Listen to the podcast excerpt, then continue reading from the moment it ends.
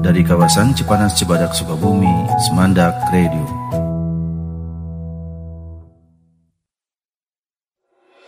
Semandak Radio.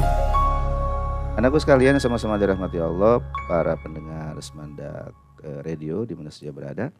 Kita mulai dari pertanyaan pertama dari eh, Rima Eka 12 IPA 4. Baik, terima kasih eh, Teh Rima. Nah, kalau di Semandak bilangnya teteh ya. Akang teteh begitu ya. Teh Rima kelas 12 IPA 4. Assalamualaikum warahmatullahi wabarakatuh. Bapak punten ini Rima. Ya punten juga saya Eda ingin bertanya. Apakah mertua dan menantu itu mahram atau bukan Pak? Mertua dan menantu. Oh ya. Iya, jadi ibu mertua bagi menantu yang laki-laki atau bapak mertua bagi eh, apa namanya anak yang perempuan itu eh, mahram. Eh, mahram karena sebab pernikahan. Kan mahram itu ada beberapa macam ya. Ada mahram sebab keturunan ya karena ada ada pertalian darah seperti kepada ibu, kepada bapak, kepada kakek, nenek, adik, kakak ya eh, ponakan, bibi, paman itu eh, hubungan mahram karena sebab pertalian darah atau sebab sebab nasab. Ada juga eh, hubungan mahram karena sebab pernikahan ya. Asalnya sih bukan mahram. Tapi karena ada hubungan pernikahan maka kepada yang bersangkutan itu menjadi menjadi mahram. Contohnya mertua gitu. Dan mertua itu atau bapak ibu mertua itu status mahramnya sama dengan kepada bapak ibu sendiri. Jadi meskipun suatu saat misalkan bercerai dengan pasangan, suami bercerai dengan istri, maka bapak ibu mertua yang mantan itu tetap tidak bisa menikah dengan mereka. Gitu. Karena ada mahram sementara, ada mahram yang abadi, yang muabad, ada mahram yang seterusnya. Jadi kepada bapak ibu mertua meskipun sudah bercerai ini pasangan suami istrinya itu, maka si suami kepada mantan ibu mertuanya tidak bisa menikah ya atau si perempuan kepada mantan bapak mertuanya tidak bisa menikah dia karena mahramnya menjadi mahram selamanya mahram abad. Beda dengan kakak adik ya. Misalnya si A nikah dengan si B si B punya adik si C. Nah, ketika A menikahi B maka si C jadi mahram tapi sementara. Nanti saat B dicerai atau B-nya meninggal maka A bisa menikah dengan C ya Gitu. Jadi eh, ini untuk mertua itu masuk pada kategori mahram muabad. Meskipun pada awalnya sebelum terjadi pernikahan itu adalah mahram, eh, bukan mahram. Artinya ya kalau nggak ada pertalian darah bisa menikah tuh kepada bapak ibu itu, bukan kepada anaknya ya begitu. Jadi sekali lagi eh, bapak ibu mertua bagi menantu menantunya adalah mahram muabad sebagaimana anak-anak itu eh, mahram muabad bagi eh, orang tuanya, bagi bapak dan ibunya ya atau bapak ibunya mahrum bagi anak-anaknya. Semandak Radio. Teh Ayu Putri Ashari eh, kelas 12 IPA 4. Nah, terima kasih ya Teh Ayu. Eh, ini 12 12 IPA 4 seger-seger nih ya. Langsung nanya-nanya nih. Udah dua orang di 12 IPA 4. Pertanyaannya, bagaimana jalannya musyawarah pada zaman Rasulullah? Oh iya ya. Begini Teh Ayu, jadi eh, konsep eh, pokok dari musyawarah itu adalah dalam Islam ya itu eh, syuro. Syuro itu akhdur ro'i.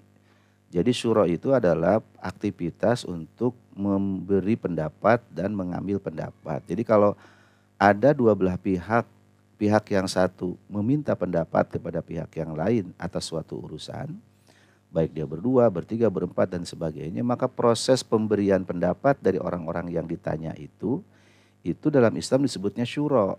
Jadi tidak selalu harus dalam bentuk rapat yang formal, ada ketuanya, ada sekretaris dan tulen, tidak harus seperti itu gitu. Jadi syuro itu proses e, menyampaikan pendapat kepada mereka yang membutuhkan pendapat gitu. Nah di zaman Rasulullah SAW juga sering terjadi, Rasul sering bertanya kepada para sahabat tentang beberapa teknis strategi perang, tentang beberapa hal terkait dengan Eh, pemilihan-pemilihan aktivitas baik yang mana ini mau A mau B gitu itu musyawarah ya atau syuro. Nah, hanya kalau kita kan jadi musyawarah itu selalu dimaknai seperti rapat gitu, seperti sidang dan sebagainya. Tidak mesti begitu ya. Meskipun itu juga termasuk bagian dari dari syuro dalam pandangan Islam dan syuro itu hukumnya sunnah. Jadi kalau orang e, bertanya pada yang lain atas suatu urusan, dia minta pendapat, kemudian yang ditanya ini menjawab, dua-duanya dapat pahala sunnah itu. Ya sebagaimana yang di, kita bahas di Ali Imran 159 itu. Ya. Nah hanya saja syuro dalam pandangan Islam memang agak berbeda dengan konsep musyawarah di dalam e, konteks demokrasi sekarang ini. Kalau dalam Islam syuro itu tidak berlaku pada perkara-perkara yang terkait dengan penetapan hukum karena kalau hukum itu bukan dengan syuro, tapi dengan menunggu ketetapan wahyu dari Allah. Baik nanti turun Quran maupun hadis Nabi. Jadi kalau dalam hukum-hukum dalam Islam tidak ada istilah syuro, musyawarah. Ya. Penetapan hukum halal haram. Rasul aja kalau ditanya oleh para sahabat, eh, Wes aluna anil mahid, wasokana eh, apa namanya eh, anir roh. Rasul ditanya tentang bagaimana haid, bagaimana ini itu. Rasul yang menunggu jawaban dari Allah kan begitu. Karena ini terkait dengan hukum. Hukum kan hak prerogatif Allah. Tidak bisa dimusyawarahkan tidak bisa disyurokkan gitu. Jadi syuro itu hanya dalam perkara-perkara yang sifatnya pilihan-pilihan saja. Ya misalkan seperti Rasul e, pernah bertanya kepada para sahabat e, berkait dengan teknis perang perang Badar apakah mau di perbatasan Madinah atau menyongsong ke ke depan begitu ke depan kota Madinah. Para sahabat Eh, banyak yang mengusulkan sudahlah kita menyongsong ke depan saja ke ke Bukit Badar begitu. Rasul mengikuti. Kenapa? Karena ini berkait dengan teknis pilihan-pilihan strategi saja, bukan terkait dengan hukum. Kalau terkait dengan hukum, ya para sahabat mengikuti aja meskipun mungkin para sahabat tidak setuju ya dengan keputusan itu kayak ketika perjanjian Hudaybiyah. Itu kan Rasul mengikuti wahyu dari Allah yang yang apa namanya bukan sekedar perkara-perkara teknis begitu ya. Baik begitu ya, eh, siapa Teh Ayu. Jadi di masa Rasul justru sering para sahabat itu bermusyawarah dengan Rasul. Rasul bertanya kepada para sahabat terhadap suatu urusan, makanya wasyawirhum fil amri faida azamta fatawakal Allah. Jadi bermusyawarahlah engkau Muhammad di situ eh, yang diajak bicara Nabi Muhammad eh, dalam urusan itu dengan dengan mereka. Jadi dengan dengan para sahabat ya sok bertanya dengan mereka. Karena tidak setiap urusan dalam Islam ini selalu harus menunggu wahyu karena tidak semua perkara itu hanya berkaitan dengan hukum, ada juga berkaitan dengan teknis-teknis yang sifatnya manusiawi gitu, yang sifatnya duniawi. Yang dalam Islam itu dibolehkan untuk dipilih mana yang utama, mana yang paling bagus, mana yang paling uh, hebat, misalkan begitu. Itu kan sangat sangat bergantung kepada kepada uh, kita manusia. Jadi Islam hanya menentukan status hukumnya saja dan dalam hal itu tidak ada syurok tidak ada musyawarah. Itu yang agak berbeda dengan uh, konsep musyawarah dalam konteks demokrasi ya, apalagi uh, demokrasi selalu mengakhirkan pendapat dengan voting. Dalam Islam voting boleh, tetapi hanya dalam perkara-perkara tertentu saja. Gitu ya, Teh Ayu ya. Semandak Radio. Hmm, siapa ini? 12 IPA 5 dari Juman. Ya, terima kasih ya, uh, Kang Juman. Akang Juman, ya, oh teteh. Teh Ayu ini Kang Juman. IPA 5, alhamdulillah IPA 5 sudah uh, ada yang mewakili nih yang bertanya ya. Pak izin bertanya, mangga apa tidak apa tidak apa? Apa? Apa tidak apa? Gimana Juman nih? Apa tidak apa sekarang lebih fokus belajar pada suatu hal, misal saya fokus pada mapel kimia. Oh, apa tidak apa? Apa tidak apa-apa gitu mungkin ya Juman ya. Sehingga kita, saya lebih memprioritaskan memprioritaskannya sekarang lebih dari mapal PAI. Hmm, gitu ya. Aduh, eh, jelas dong Bapak ya. Karena jika saya ingin memperjuangkan agama, saya pikir saya harus menjadi sesuatu yang besar lebih dulu ya. Eh, karena jarang saya melihat seorang ilmuwan muslim yang hebat. Ya begini Juman, jadi kalau kita bicara tentang ilmu, maka ilmu itu secara garis besarnya ada dua. Dari sisi mempelajarinya ya dari sisi ke, keharusan mempelajarinya. Ada ilmu yang ain. Dari sisi tolabnya itu ain. Apa itu? Ilmu-ilmu agama, terutama usuluddin. Ilmu-ilmu dasar keagamaan, akidah itu ya. Hukum-hukum syariat itu oh, wajib ain itu sebetulnya. Tidak bisa diwakilkan kepada yang lain. Jadi harus dipelajari sendiri. Bagaimana tata cara ibadah itu ain karena kita melaksanakannya gitu. Tetapi memang dalam agama juga ada hukum-hukum, ada perkara-perkara yang itu e, sifatnya e, apa kifayah. Jadi dari sisi hukum, dari sisi ilmunya itu ilmu agama, tapi dari sisi mempelajarinya kifayah. Artinya cukup orang-orang tertentu yang mempelajari kalau sudah ada. Nah kalau tidak ada kita berdosa karena tidak ada satupun yang mempelajari ilmu itu. Contoh mempelajari ilmu waris itu dari sisi mempelajarinya adalah fardu kifayah. Jadi kalau ada satu dua orang yang sudah paham ya cukup gitu. Kaum muslimin tidak berdosa begitu. Tetapi kalau kita juga ikut mempelajarinya lebih bagus lagi. Berarti kita terlibat dalam aktivitas yang wajib begitu. Nah, sementara hukum-hukum yang eh, maaf, sementara ilmu-ilmu di luar di luar ilmu agama atau kita sebut ilmu dunia begitu ya, kayak sains dan sebagainya itu dilihat nanti persoalannya jika ilmu sains itu memang sangat dibutuhkan dan memang harus ada, itu menjadi fardu ain. Gitu. Tapi kalau memang dia hanya dipelajari sementara sudah ada ahlinya dan sebagainya, maka terhadap ilmu itu juga tetap fardu kifayah. Bahkan beberapa ilmu itu mungkin mubah saja untuk dipelajari, tidak sampai kita berdosa. Ya, Bagaimana kalau saya tidak tidak memperdalam PAI? Kalau PAI dalam pengertian pelajaran di sekolah sih nggak apa-apa ya kalau udah lulus SMA-nya udah selesai gitu, kurikulum PAI-nya sudah selesai gitu. Tapi kalau dari sisi ilmu agamanya tidak boleh di, dikesampingkan Juman ya. Tidak mentang-mentang, Pak saya jadi ahli kimia, ah PAI mah nomor 20 aja. Tetap aja itu dipelajari, apalagi ini isi PAI itu kan ilmu agama begitu. Jadi harus dipelajari sebagai kewajiban seorang muslim, tolabul ilmi faridatun, begitu ya.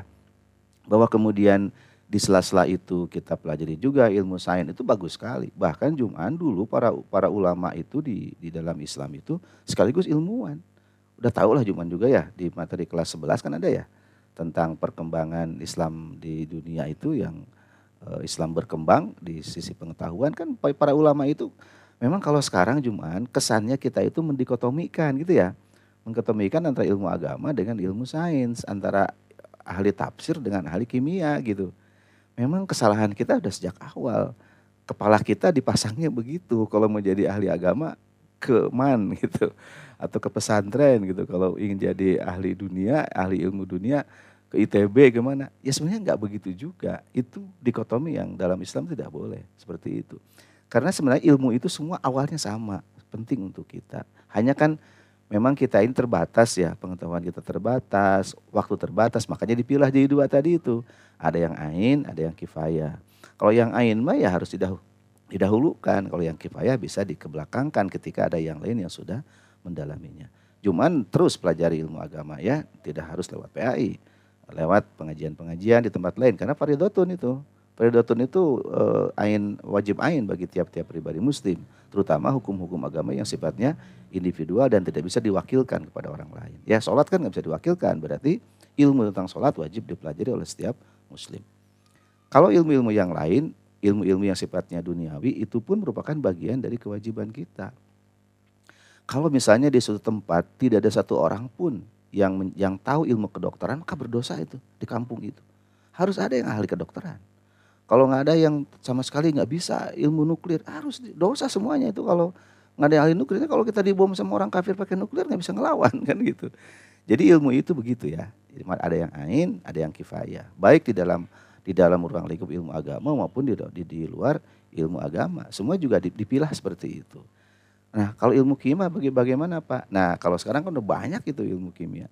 Kalau Jumat nggak belajar ilmu kimia juga nggak dosa sebetulnya. Tetapi kalau Juman juga ingin menjadi seorang ahli kimia, bagus itu. Karena berarti Juman melakukan wajib kifayah di sisi itu gitu. Meskipun sudah ada ahli kimia tentu saja, ada Pak Adam ya, ada siapa, ada Pak Dindin gitu kalau di sekolah kita, mungkin ahli kimia yang lain dan segala macam. Tapi Juman juga pengen Pak, bagus. Berarti Juman terlibat dalam aktivitas fardu kifayah. Gitu ya Juman ya, tetap semangat belajar ilmu agama, tapi juga semangat belajar untuk ilmu-ilmu yang lain sesuai dengan kemampuan kita. Ya, begitu. Jangan istilahnya eh, apa di, ditukar-tukar atau dibentur-bentur, jangan ya. Semandak Radio. Baik, cuma terima kasih. Kalau belum masih belum jelas juga bisa ditanyakan lagi. Kemudian Assalamualaikum Pak, saya Haikal Muhon IPA 5. Wah, IPA 5 lagi Alhamdulillah. Izin bertanya, dalam Islam ada anjuran umur untuk menikah enggak? Uh, ini siapa? Haikal baca materinya kemarin ya. Syarat nikah itu apa kemarin? Balik ya. uh, kecuali perempuan, akil balik kalau perempuan boleh ya dinikahkan. Oh laki-laki harus balik. Nah baliknya usia berapa? Kalau laki-laki pada umumnya kan 15 tahun balik ditandai dengan mimpi basah. Di, di umur-umur itu kan laki-laki balik. 15 tahun lah. Madhab syafi'iyah itu e, berpendapat paling tidak 15 tahun laki-laki balik. Nah 15 tahun itu udah bisa menikah sebetulnya secara hukum agama. Pan pak sekolah, nyata karena sekolah jadi susah. Kalau dulu para sahabat Nabi yang tidak sekolah di SMA Cibadak, karena belum ada, pada menikah mereka usia usia 15, 16, 17. Bahkan kakek nenek eh, siapa Haika barangkali ada tuh yang nikahnya 15 tahun ya. Ibunya bapak ini, menikahnya usia 13 tahun, 12 tahun. Jadi sebetulnya ketika sudah balik itu berarti sudah boleh menikah. Ingat bukan wajib menikah ya, boleh menikah.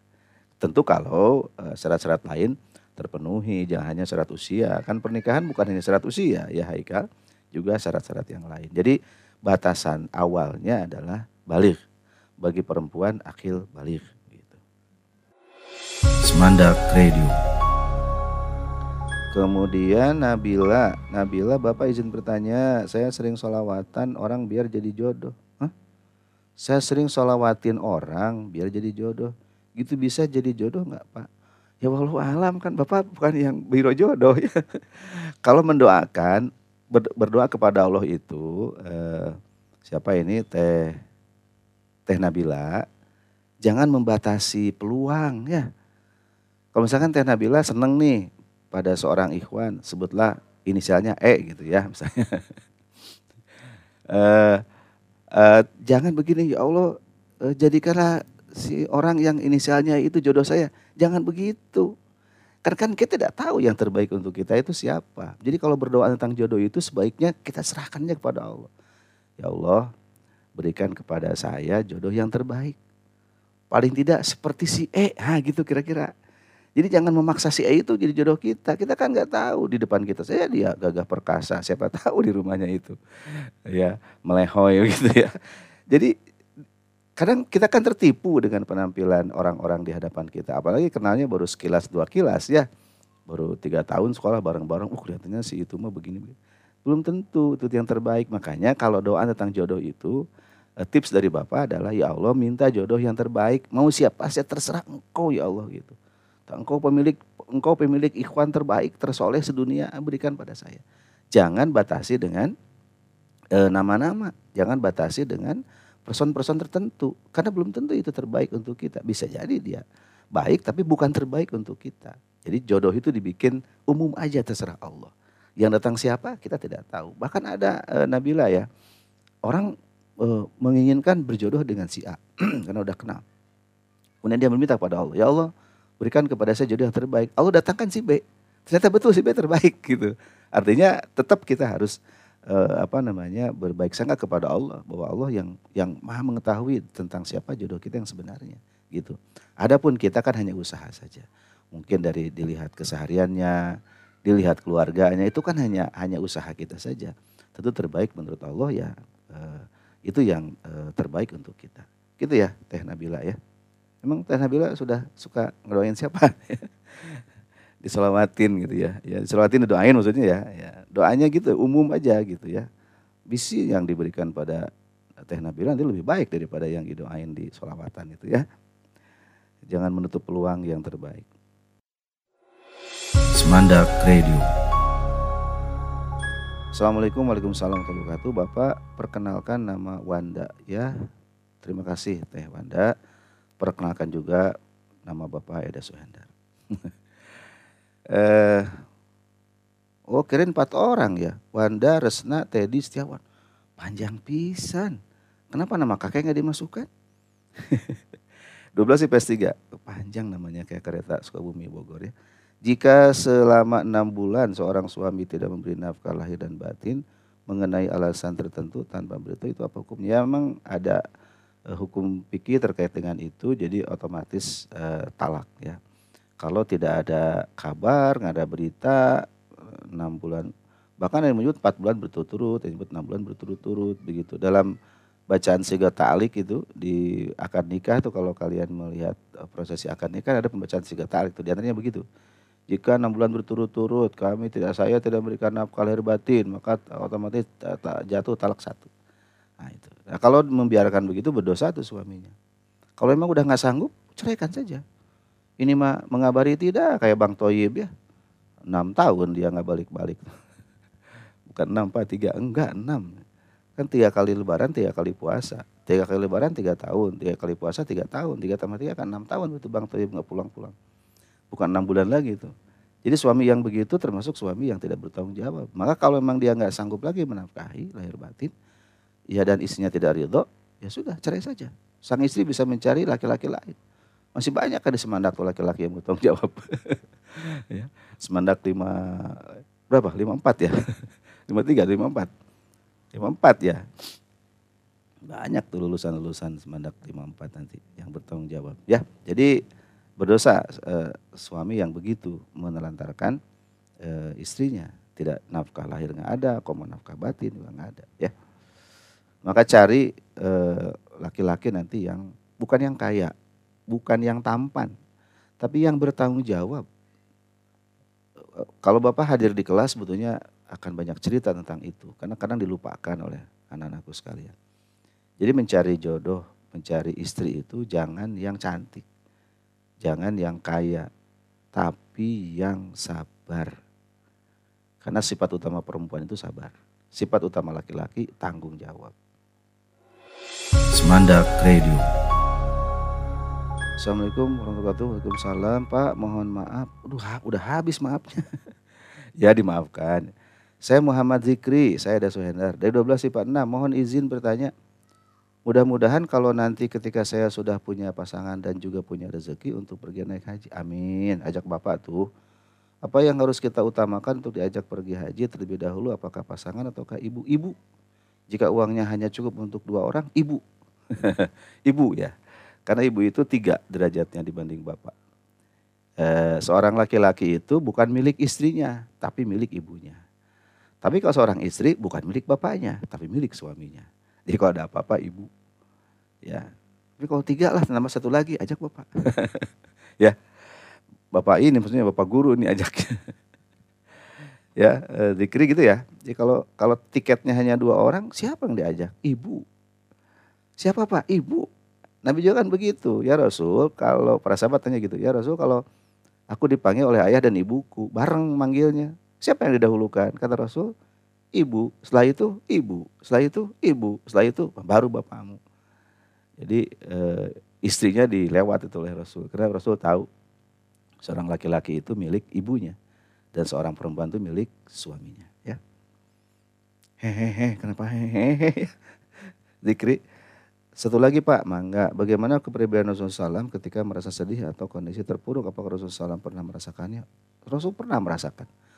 Tapi terpuruk dan sedihnya Rasul bukan karena nggak punya harta. Terpuruk dan sedihnya Rasul bukan karena urusan kemanusiaan. Tapi Rasul merasa sedih terpuruk ketika dakwahnya dihambat dan dihalangi oleh orang-orang musyrik Arab saat itu. Si Kures, orang-orang kafir Kures, orang-orang uh, Taif yang mengusir Nabi ketika berdakwah sampai Nabi belumuran darah kakinya karena dilempar batu. Kemudian Nabi duduk di sebuah kerbun kurma. Kemudian Nabi berdoa kepada Allah. Saat itu Nabi terpuruk. Tapi Nabi memikirkan bukan masalah kakinya yang berdarah-darah, bukan. Memikirkan nasib dakwah. Ya, beda dengan kita. Kalau kita mah uang kurang, jajan dari orang tua terpuruk. Ngancem-ngancem. Namun kurang 30 ribu, mual init ke semandak. Gitu ya. Kalau kita mah rata-rata terpuruknya karena urusan dunia. Kalau Nabi tidak. Nabi terpuruk dalam pengertian merasa sedih, itu karena Nabi eh, sayang kepada umatnya yang belum paham, masih jahil, kemudian menghalangi dakwah Nabi. Padahal dakwah Nabi itu sedang menyampaikan kebaikan ya kepada umatnya. Kayak guru tuh. Kalau ada siswa tiba-tiba kabur tuh guru tuh sedih sebetulnya. Ke, ke kelas tuh kan guru nggak bawa durian karena nggak punya. Nggak bawa seblak karena nggak punya. Nggak bawa empe-empe karena nggak punya. Guru bawa ilmu, guru bawa pengalaman, guru bawa pengetahuan. Tapi ada siswa yang kabur dari sekolah atau malah berangkat dari rumah ke gerbang Semandak nggak sampai. begitu. Jadi guru-guru eh siswa yang begitu tuh menolak kebaikan gitu. Guru bersedih sebetulnya. Di samping ambek juga sedih guru itu. Nah budak tuh ya orang lain belajar ini malah kabur gitu. Karena guru tentu akan memberikan kebaikan, menyampaikan ilmu yang dibutuhkan. Ibarat orang kegelapan akan diberikan cahaya. Kalau menolak tentu ingin ya. Semandak Radio. Assalamualaikum. Waalaikumsalam. Bapak, ini Fadila 12 IPS 3. Ya, izin bertanya apa boleh? Gak Pak. Kalau kita nikah sama saudara kita sendiri. Siapa saudaranya kan banyak saudara. Kakak, adik, sepupu, dua pupu, ponakan. Tapi saudara gini pak, oh misalkan Fadila punya nenek. Ya, nah neneknya Fadila itu punya adik. Jadi paman dari nenek ya.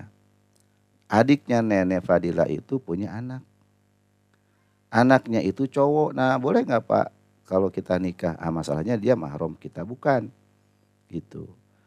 Jangankan dengan nenek ya, dengan uwa, dengan paman kita langsung, bukan nenek, bukan bukan adik uh, nenek atau kakek, kemudian punya anak, paman, anaknya paman alias sepupu itu boleh karena dia bukan mahram. Beda dengan keponakan. Kalau keponakan kan anak kakak, anak adik kita ya. Kepada mereka tidak boleh menikah karena dia mahram. Tapi kalau anak paman, anak uwa, sepupu itu secara hukum boleh. Namun Nabi menyarankan menyarankan agar mencari yang hubungan darahnya jauh gitu.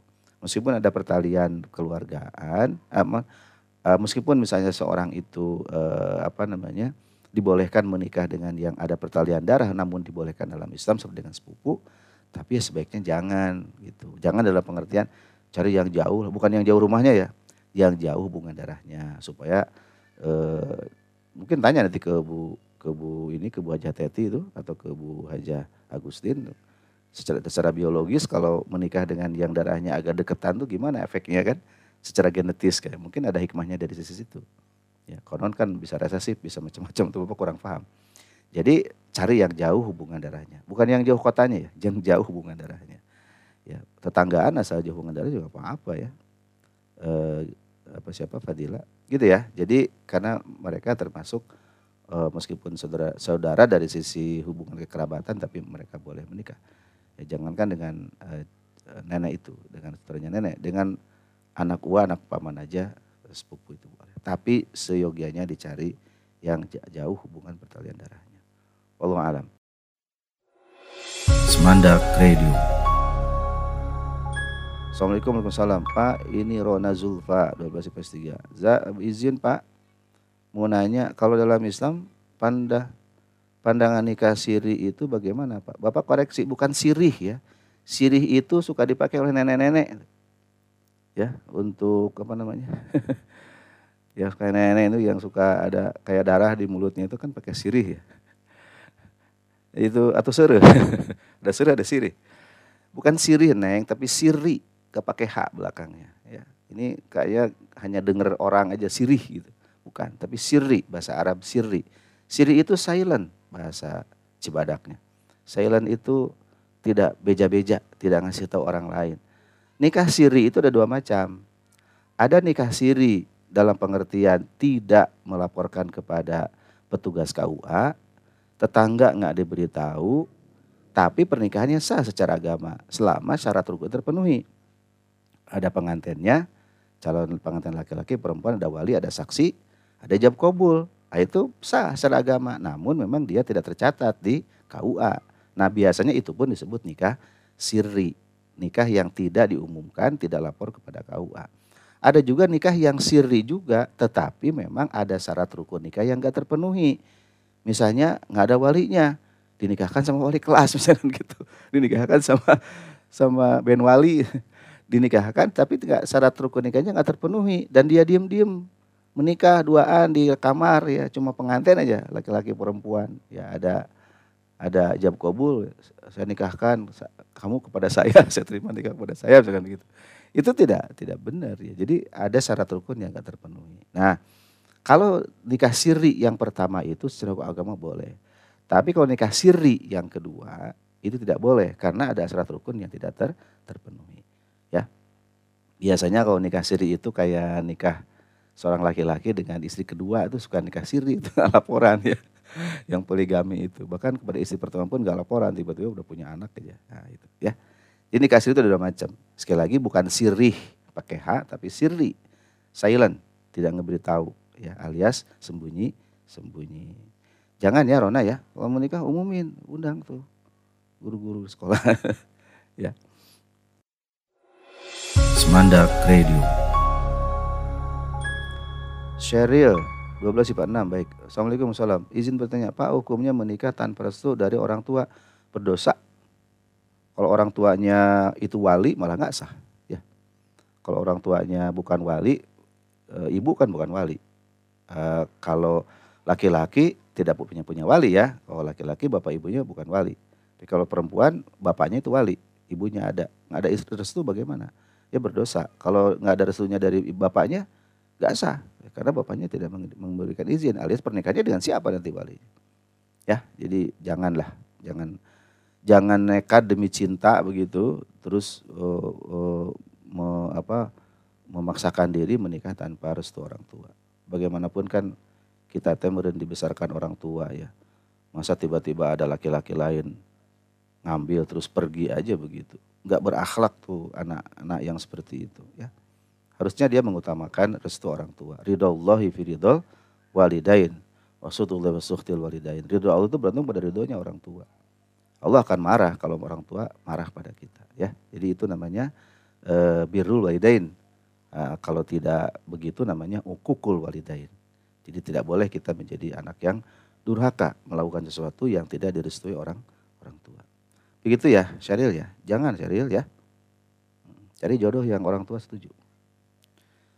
Assalamualaikum Waalaikumsalam. Saya Evander Empat baik. Apakah sah sah suatu pernikahan apabila wali nikahnya merupakan kakak adik dan bukan ayahnya pada masih hidup? Sah kalau ada izin dari bapaknya. Jadi kasih tahu bapak kalau memang tidak sanggup karena bapak sakit atau bapak jauh boleh nanti bapaknya menuliskan surat atau membuat pernyataan bahwa hak perwaliannya diserahkan kepada wali yang lain. Itu boleh. Tapi kalau walinya bapaknya ada terus eh, tiba-tiba aja kakaknya nyelonongnya di wali nggak boleh itu. Ya karena walinya yang pertama yang pertama itu walinya adalah ayahnya. Kalau ayahnya tidak jelas di mana tempatnya pergi misalkan begitu di mana? Bapak nggak tahu apa ke bawah tsunami atau ke bawah apa gitu ya apa kena corona dan sebagainya nggak ada kabar gitu nggak jelas. Nah itu boleh. Boleh kepada kakaknya atau kepada kakeknya ya. Jadi begitu ya e, siapa? E, Evander Semandak Radio. Assalamualaikum Pak izin bertanya dari Fahri Ramadan 12 eh, IPA 4. Pak kalau lelaki itu Pak kan lelaki itu adalah seorang pemimpin terus dia sudah menikah dan suatu saat ibunya sakit parah dan bareng bersama istrinya sakitnya di situ dia memiliki uang buat mengobati hanya untuk satu orang. Nah ini dia bertanggung jawab harus mendahulukan ibunya. Kembali ke ibunya tadi. Tapi jangan didramatisir begini ya, uh, siapa? Fahri, Ilham, Ilham Fahri. Jadi kita kan masih ada yang lain lah yang yang bisa kita mintai pertolongan ya. Uh, uh, kan di dunia kan tidak hanya dia, ibu dan istrinya kan. Mungkin ada yang lain, tetangganya pun masih bisa dimintai tolong. Misalnya dia mengurus ibunya, yang lain mengurus istrinya. Begitu. Makanya pentingnya kita bersilah ukhuwah dengan saudara-saudara lain atau atau silah ukhuwah dengan uh, tetangga itu begitu untuk membantu ketika kita sudah tidak sanggup lagi mengurus sendiri.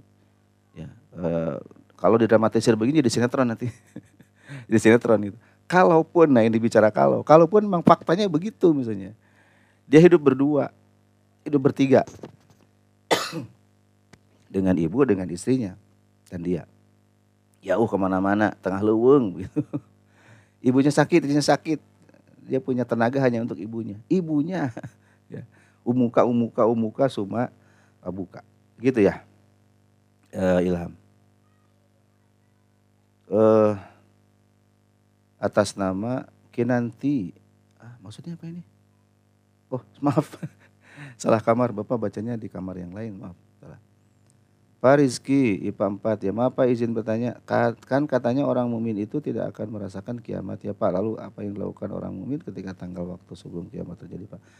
Jadi dalam hadis-hadis itu disebutkan bahwa yang akan merasakan kiamat itu hanya orang-orang kafir yang kekafirannya sudah kelewatan. Orang-orang mukmin pada saat akan kiamat itu dimatikan oleh Allah. Jadi tidak akan merasakan kiamat. Allah alam. Semandak Radio. Uh, Fadila kelas 12 investigasi bertanya, boleh nggak Pak kalau kita nikah sama saudara sendiri? Oh tadi udah ya. Ya, makasih ya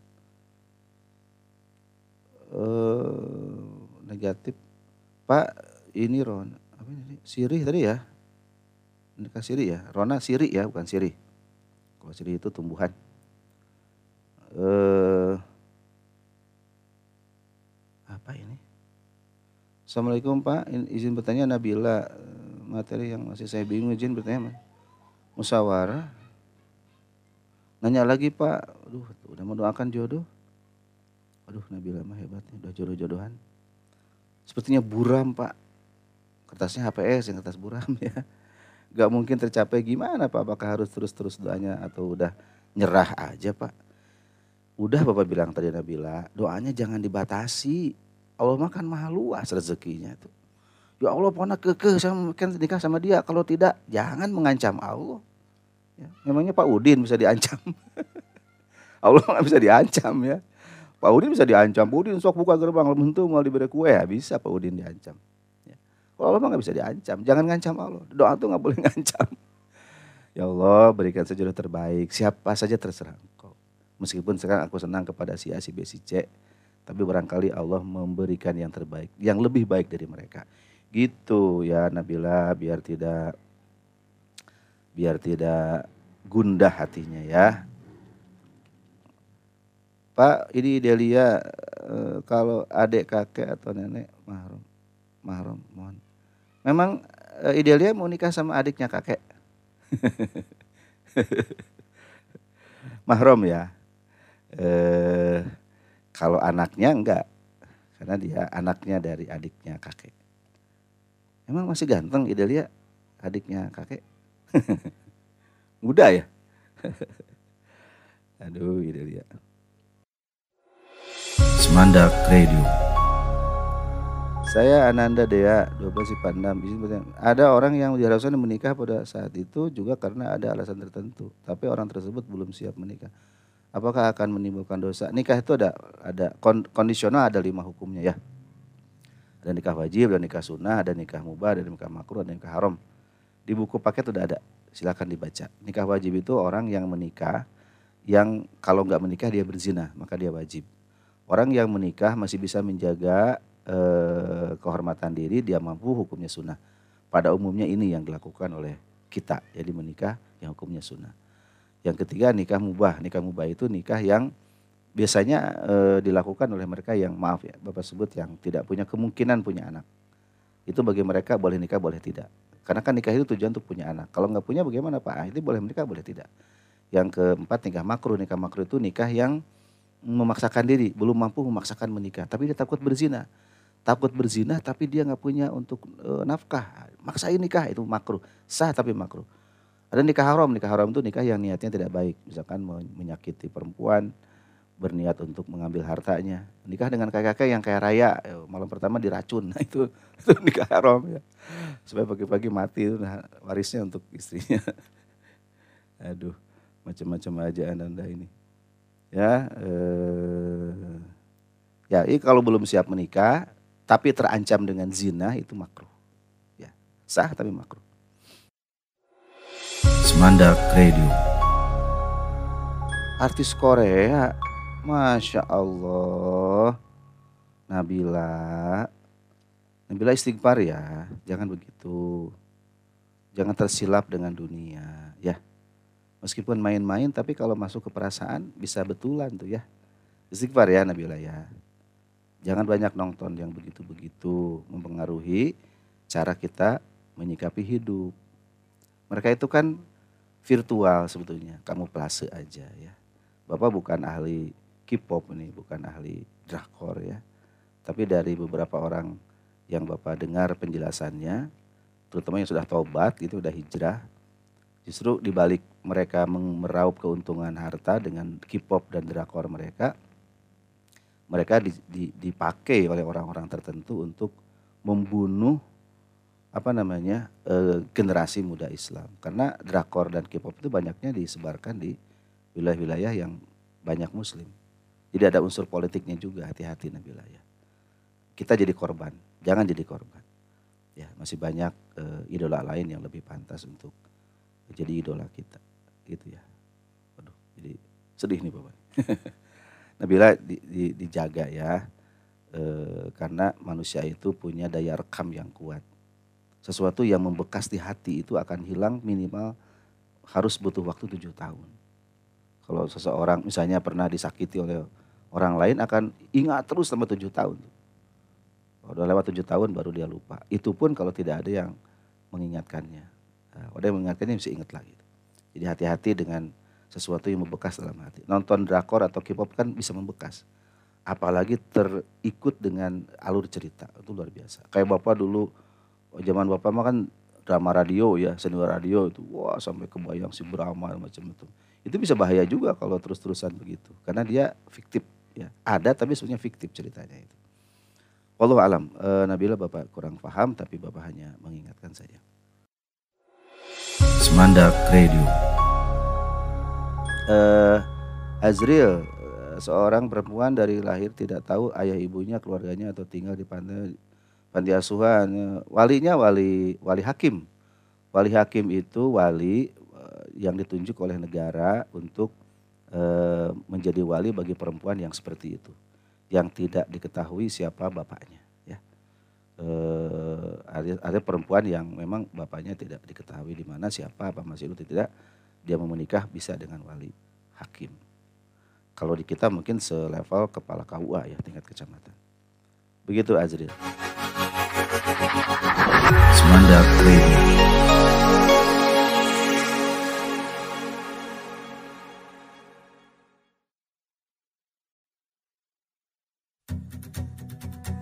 Dari kawasan Cipanas Cibadak Sukabumi, Semandak Radio.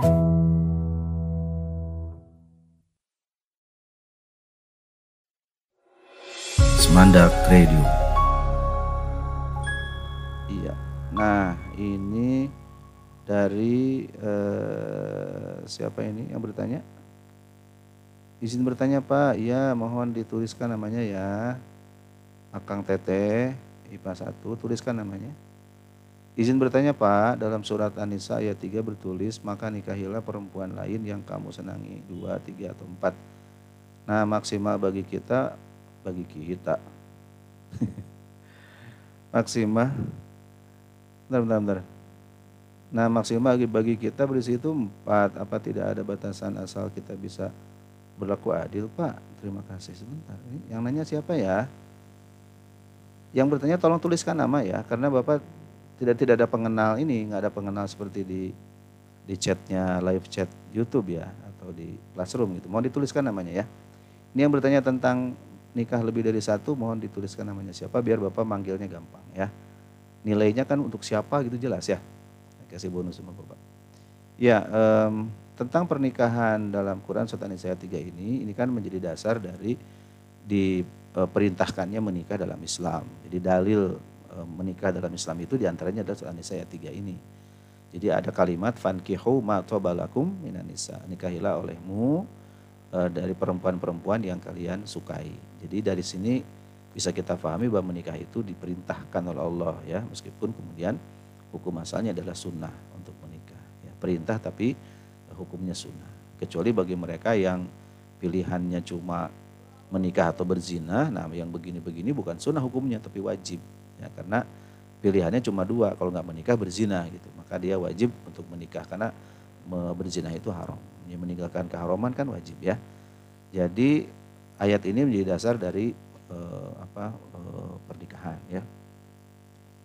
Kemudian um, sebentar sebentar ya. Nah, berkait dengan batasan kenapa sampai empat, ini uh, murni merupakan perintah syariat, perintah Allah taala. Kita tidak kita tidak uh, apa punya informasi lebih alasan mengapa empat.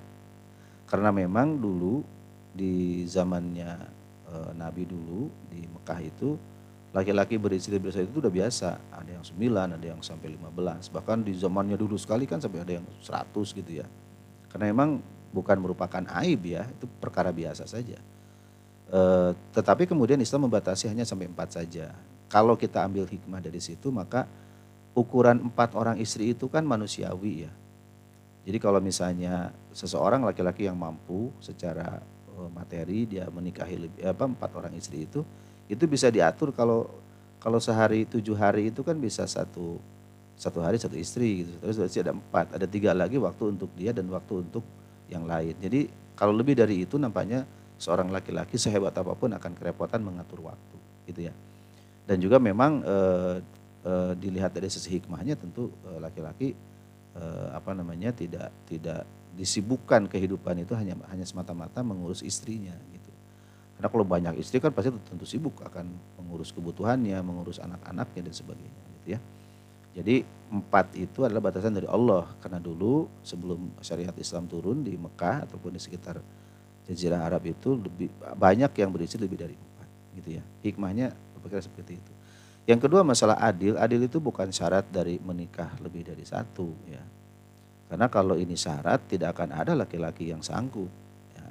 Berlaku adil itu bukan syarat tetapi konsekuensi wajib dari menikah lebih dari satu. Sebut saja kita dengan bahasa gampang poligami ya.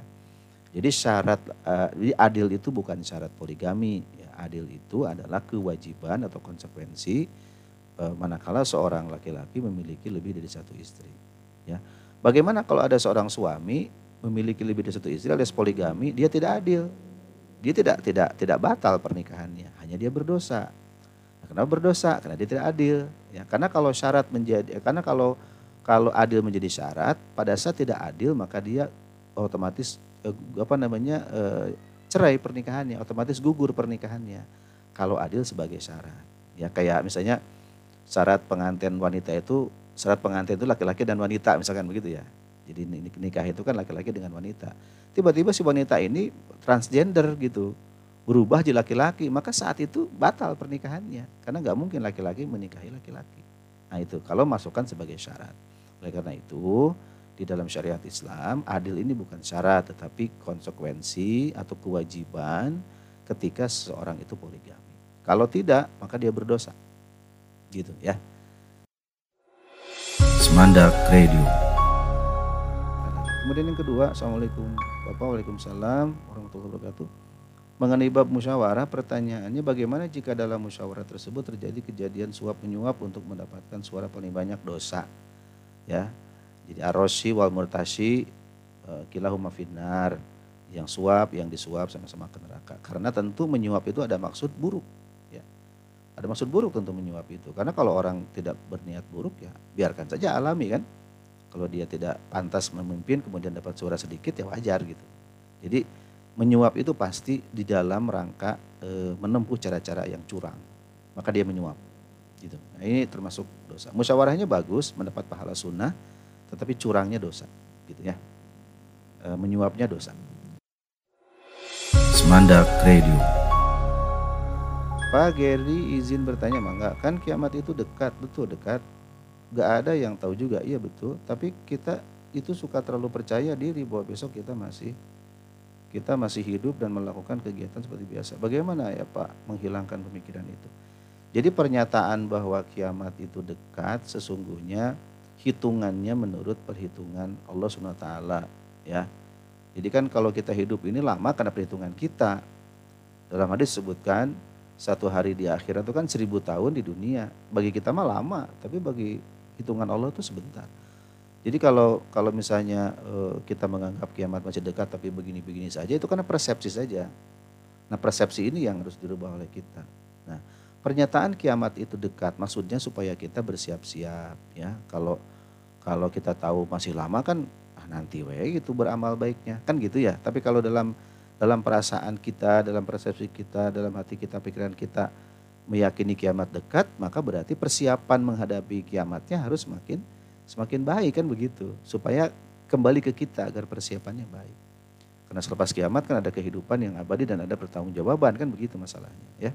Jadi eh, hitungannya bukan menurut persepsi kita bahwa waktu itu jadi lama dan kita kemudian bersantai-santai, tapi dengan maksud supaya kita menganggapnya segera akan datang dan kita bersiap-siap untuk menghadapinya. Ya, gitu ya Giri ya. Jadi gimana caranya ya harus ditanamkan itu, ditanamkan atau sering-sering melihat eh, berbagai kejadian musibah coba ya.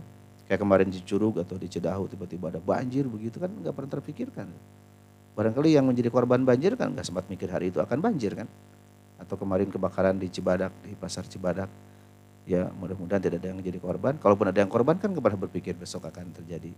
Bapak juga melewat lintas ke Cibadak itu pukul berapa tuh? Pukul setengah dua begitu sampai ke rumah ada kabar kebakaran ya.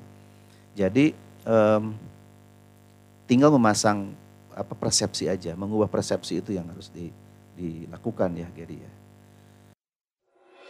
Semandak Radio. Ini kita kalau orang meninggal sebelum dikuburnya itu ruhnya ditempatkan di mana ya Pak? Duka Dita, Bapak kita can pupus sih, duka di mana? Terus apa benar Pak nanti ruhnya melihat kita ketika kita sedang dikubur terima kasih Allah alam. Jadi cerita tentang ruh yang lepas dari badan itu sangat terbatas ya. Bahkan ruh itu sendiri oleh Allah banyak dirahasiakan. Kita hanya tahu kalau ruh masih ada di badan, badan masih hidup kan gitu ya. Ketika badan mati tandanya ruh tidak ada, tidak ada gitu aja. Allah tidak banyak memberitahu kepada kita tentang ruh. Dulu orang-orang musyrik banyak bertanya tuh pada Nabi itu. Yas'aluna ka'anir ruh. Mereka bertanya kepadamu Muhammad tentang ruh. Kata Allah, kul katakan Muhammad, wa ma utitu minal ilmi ila qalila. Ya. Uh, uh, Arumin amir robi, bahwa ruh itu urusan Allah dan Allah tidak memberikan informasi tentang ruh itu kecil sedikit saja. Gitu. Selebihnya ujian bagi kita atas atas yang gaib-gaib itu tidak perlu. Kalau kita tidak ada kabarnya tidak perlu kita cari tahu. Sampai penasaran sampai jadi tim pemburu hantu pengen tahu itu. Gak usah. Karena bukan kewajiban kita di luar keharusan yang kita lakukan ya.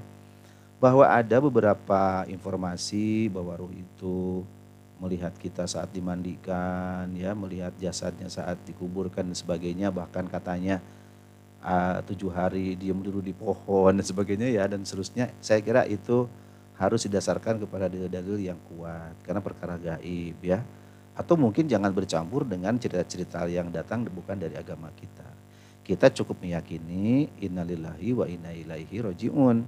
Kita cukup meyakini bahwa kita datang dari Allah, ruh datang kepada kita juga dari Allah dan akan kembali kepada Allah. Kita tahunya saat ruh melepas lepas dari badan, ruh itu dipegang oleh malaikat Israel, kemudian diserahkan kepada Allah wallahu alam di mana tempatnya kita tidak. Karena kita tidak punya kewajiban untuk itu. Kalaupun kita tidak tahu, kita tidak berdosa, ya gitu. Bertanya boleh, tetapi kalau sudah di luar kemampuan kita, kita tidak bisa maksa-maksa karena tidak ada dalilnya gitu. Kalaupun ada biasanya riwayatnya tidak sampai pada kotni, artinya riwayatnya tidak meyakinkan, hanya dugaan-dugaan saja. Wallahu a'lam bishawab. Semandak Radio. Rangga ya, Rangga, Rangga, apakah benar Pak seorang istri harus lapor ke suaminya jika si istri sudah berbelanja dan sebaliknya suami tidak? Iya memang eh, hak dan kewajiban suami istri itu ada yang sama, ada yang beda. Gitu. Contoh yang sama adalah suami istri saling menghormati, saling menghargai. Yang beda, suami menafkahi, istri tidak menafkahi. Suami wajib menafkahi, istri tidak wajib menafkahi. Gitu. Yang beda, suami kalau ke mana-mana tidak perlu izin pada istri, cukup memberitahu saja. Kalau istri wajib izin gitu izin itu e, menunggu dibolehkan atau tidak. Beda dengan memberitahu kayak gini. Misalkan suami kepada istrinya, e, mah mau mancing, ya nggak usah nunggu istrinya. Ya boleh nggak usah begitu, cukup aja begitu berangkat begitu. Kalau istrinya, Pak mau ke pasar Cibadak, kebakaran, jangan, nah gitu, itu izin. Kata suaminya jangan, dia nggak boleh berangkat. Ya, jadi hak dan kewajiban suami istri itu ada yang sama, ada yang beda. Pertanyaannya, mengapa dibedakan dan mengapa disamakan? disamakan supaya memang mereka memahami hukum-hukum itu ada yang sama gitu. Dibedakan supaya masing-masing punya tanggung jawab. Karena hak istri itu kewajiban suami, kewajiban suami adalah hak istri. Seperti itu. Lalu apa hikmah dibalik istri harus izin pada suaminya saat dia akan pergi keluar rumah? Istri itu kan tanggung jawab suami. Coba kalau ada apa-apa di, di luar rumah. Kalau dia nggak ngasih tahu kepada suaminya, kan berdosa. Kan dia nggak akan ada yang nggak akan ada yang menjaganya begitu. Karena istri itu kalau bepergian dari rumah lebih dari lebih dari 24 jam itu harus harus ada suaminya atau ada mahramnya yang menyertai. Untuk apa? Untuk keamanannya. Ah enggak Pak, ini istrinya jagoan Pak, jago karate. Enggak bisa ya. Karena yang namanya perempuan tetap saja perlu pelin perlindungan gitu ya. Jadi hikmahnya seperti itu. Nah, perkara izin ini merupakan kewajiban istri kepada suami dan hak suami untuk mendapatkan izin dari istrinya manakala ia keluar rumah. Kecuali kalau keluar rumahnya itu yang biasa-biasa ya, eh, Rangga, ke warung tetangga sama izin umum aja lah itu. Tapi kalau keluarnya agak jauh ke tempat baru, agak lama dan sebagainya harus izin kepada suami karena istri tanggung jawab suami. Ada apa-apa pasti suami yang disalahkan. Coba kalau ada kejadian ya kan? Istrinya tidak istrinya nggak melaporkan. Nanti bapaknya istri itu atau suaminya si suami itu kan akan nagih itu. Kenapa kamu biarkan anak saya keluar rumah tanpa pengawalan? Kan begitu ya. Jadi bapak kira eh, hikmahnya sangat banyak untuk menjaga istri itu sendiri. Baik terima kasih Rangga. Semandak Radio. Kemudian bapak ini Sakila. Mohon enggak Assalamualaikum Waalaikumsalam. Bagaimana jika ada orang yang menikah beda agama Enggak boleh ya, kalau beda kelamin boleh nikah. Misalnya suaminya Nasrani, istrinya Islam, nah itu hukumnya bagaimana? Nah begini ya, eh, Sakila dan anak-anakku sekalian kelas IPA 1. Um, ketentuan pernikahan dalam Islam itu di antaranya begini. Seorang laki-laki muslim, dia eh, boleh menikahi perempuan eh, non-muslim, tetapi non-muslimnya yang ahlul kitab, yakni Nasrani atau Yahudi. Karena non muslim itu atau kafir itu ada dua. Ada kafir musyrik, ada kafir ahlul kitab. Kafir ahlul kitab adalah mereka yang berpegang kepada Taurat dan Injil. Taurat itu sekarang jadi Yahudi, Injil sekarang jadi Nasrani. Nah, kepada mereka seorang laki-laki muslim boleh menikahi mereka itu perempuan-perempuan eh, ahlul kitab boleh di antara Nasrani atau Yahudi. Dengan maksud supaya si perempuan tadi itu masuk Islam kan begitu. Kenapa? Karena Nasrani Yahudi itu pada awalnya mereka memegang Taurat dan Injil yang asli tentu dari Allah SWT gitu. Jadi keyakinan kepada Allahnya ada, hanya mereka untuk sekarang-sekarang ini banyak disimpangkan oleh para pendeta mereka. Misalnya orang-orang Nasrani meyakini Allah itu punya anak. Orang-orang Yahudi juga demikian punya anak. Jadi mereka beriman kepada Allah tapi Allah itu disekutukan dengan yang lain. Ya bisa dengan dengan Nabi Isa dianggap itu anak Allah dan Uzair anak Allah untuk orang-orang Yahudi gitu. Jadi tidak terlampau berat untuk mengajak mereka masuk Islam. Beda dengan orang-orang yang agamanya bukan Nasrani Yahudi, yang pegangan kitabnya bukan bukan kitab Samawi, yang Tuhannya berbeda sama sekali, berat begitu. Ya suami untuk mengajak istrinya yang yang kafir musyrik seperti itu untuk masuk Islam.